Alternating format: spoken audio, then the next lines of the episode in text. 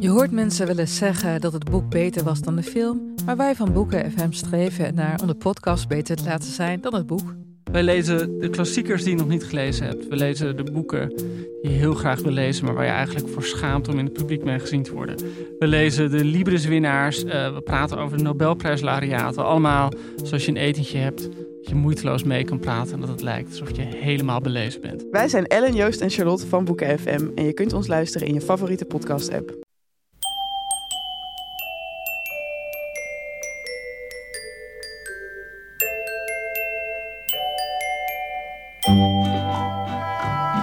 Welkom bij aflevering 422 van Echt Gebeurd, de podcast waarin mensen hun eigen waargebeurde verhalen vertellen. In deze aflevering een verhaal dat Peter de Groot in mei vorig jaar vertelde tijdens een verhalenmiddag met als thema Te Water.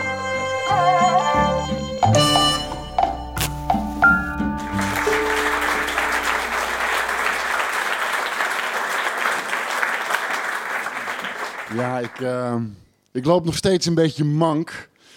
Ik heb uh, een aantal weken meegedaan aan de marathon van Rotterdam. De kwart, dat dan wel.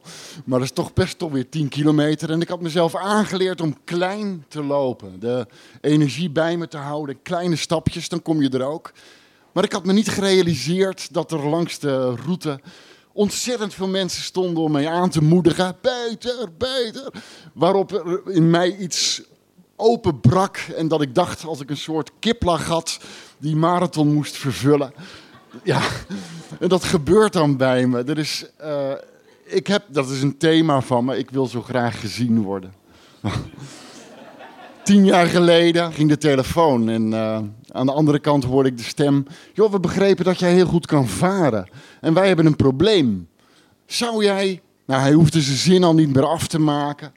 Want mijn alter ego had al ja gezegd. Ja, natuurlijk, ik kom. En ik had ja gezegd om volgschip te zijn op een groot schip, wat ik niet kende als schipper, bij de HT-race. Nou, de HT-race, dat is die roeiwedstrijd van Harlingen naar Terschelling. En dan hebben ze een schip nodig waar de organisatie op staat en dat de roeiers op Terschelling ook plek hebben om te slapen.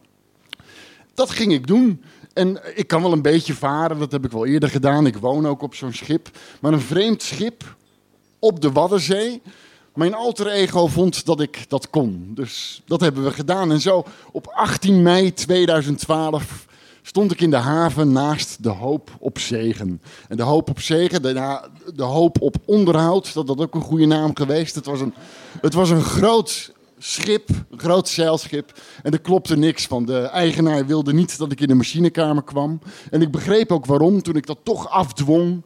Het was een zwarte massa aan onduidelijkheid met blikjes onder leidingen. Uh, overal olie. En hij zei: Dit is mijn probleem, dat is niet het jouwe. Die motor doet het gewoon. En ik had geen keus, want de organisatie kwam aan boord. Hij ging van boord.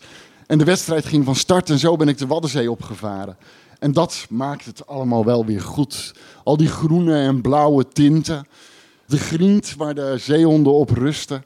En de roeiwedstrijd waar we naast aan het varen waren. We konden het goed zien. Wat een helden, die roeiers.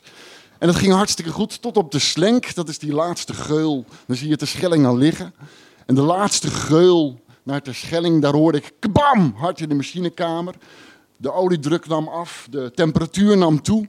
En er kwam zwarte rook uit de machinekamer. Nou, ja, nou, nu, gaan we vergaan. We gaan de, ik, nou, zullen we vergaan? Eigenlijk misschien ook niet. We zullen wel blijven drijven. Ik ben aan het vergaan. Want al die mensen keken naar me en die zeiden: Wij willen naar de Schelling. Hoe ga je het doen, schippertje? en dat wist ik niet. En uh, ik, ik was zo bang om ontmaskerd te worden als jongetje die het gewoon niet wist. De schaamte kwam om de hoek. En als de schaamte komt, toen kwamen er nog twee mensen aan boord, plotseling op de Waddenzee. En hun stemmen zijn zo verankerd in mijn systeem dat ze me zelfs op de Waddenzee weten te vinden. Mijn moeder. Ja, Peter, ik vind het heel knap dat je dit doet. Maar je had misschien wel iemand erbij kunnen vragen die het wel echt kan. En papa, jij was er ook. Mijn vader staat op het voordek en die kijkt vooruit. Prachtig, hè, die Waddenzee. En, ik dacht ineens, ik moet de brandaris op de hoogte stellen met de marifoon. En mijn ouders doofden weer langzaam uit Waarop ik nog net mijn moeder hoorde roepen: Iemand nog koffie? En daar stond ik. ik. Ik moest het gaan doen. Wat moet ik doen? Ik moet tijd vullen. En ik heb de machinekamerluik open gedaan en daar naar binnen gekeken. En ik ben maar nautische termen gaan roepen. Misschien dat dat de opvarende wat gerust zou stellen.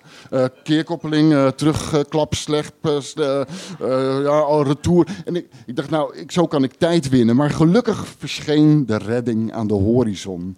De reddingsmaatschappij die kwam niet. Die redt, geen, die redt alleen maar drenkelingen. En geen uh, jongetjes die het niet meer weten. Dus uh, er kwam een berger. En de, we waren waarschijnlijk een vaste klant van hem. Dat zei hij ook. Hé, hey, de hoop op zegen.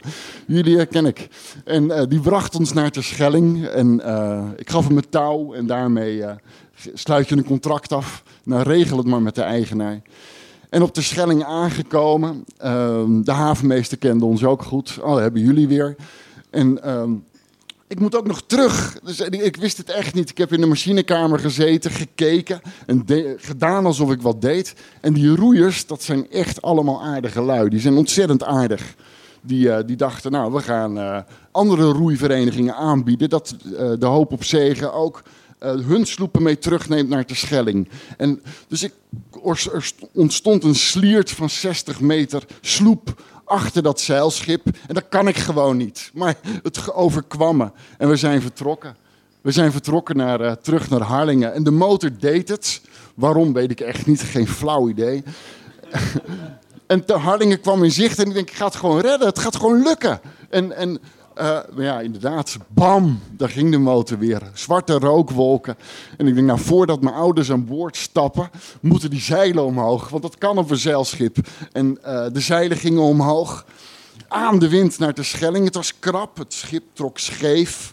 We namen vaart en we gingen harder en harder. En de sloepen volgden ons. Ik denk, ik ga gewoon die haven binnen zeilen. Nooit gedaan, maar dat ga ik gewoon doen.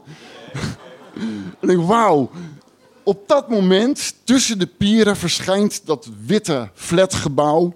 De MS Friesland, dat grote schip. Uh, die toeristen naar de Schelling brengt en weer terug. Ik, ik, ik, kan er nou niet meer in. Ik, het, dit past niet, het wordt een ongeluk. Ik kan niet stoppen, ik kan niks meer. Maar gelukkig stond mijn alter ego aan het roer. En die riep hem op met een marifoon en die zei... Uh, ja, hier hoop op zegen. MS Friesland, uh, hier, we zijn onder zeil met motorgebrek. Ik verzoek u tot stuurbord, stuurbord. Stuurbord, stuurbord, hè, dat is via de verkeerde kant willen passeren. Dat vraagt eigenlijk een klein schip, nooit aan een groot schip. Maar de MS Friesland, die week. Wauw, hij week. Hij, hij ging naar achteren en hij ging aan de zijkant, zodat ik net om de pier, net zo aan de wind, die haven binnenzeilde. Wauw, dit heb ik nog nooit gedaan. En op de kade zag ik een man staan. En natuurlijk, ik droomde dat het mijn vader was. Die wel naar mij keek. Maar het was de eigenaar van het schip. Hebben jullie het naar je zin gehad? Vroeg hij. Ik zeg, nou, als je het aan de machinekamer gaat beginnen, is het misschien slim dat je iemand vraagt die het wel echt kan. en hij pakte hem aan en we waren er weer. En vanaf toen maar ook naar, bij de marathon. En ook nu hier vandaag neem ik mezelf voor om altijd grote dingen te gaan doen. Om grotere dingen te doen dan ik eigenlijk zou kunnen. Maar ik wil wel klein leren lopen. En misschien op een dag dat dat ook gaat lukken.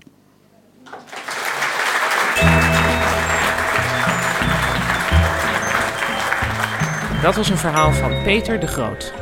Peter is schipper, hij woont ook op een schip en hij werkt als therapeut, waarbij hij theatrale methodes inzet om mensen te helpen hun problemen duidelijker te zien en op te lossen.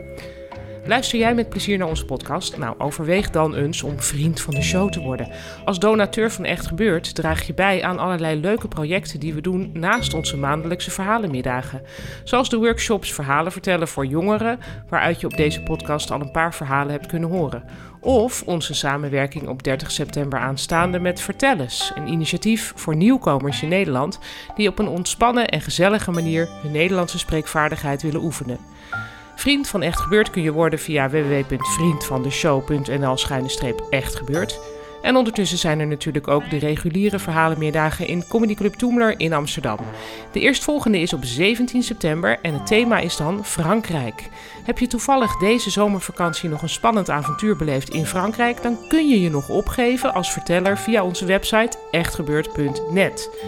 Onze redactie bestaat uit Micha Wertheim, Renette Kwakkenbos, Tom van Rooyen, Ariane Hins en mijzelf, Paulien Cornelissen.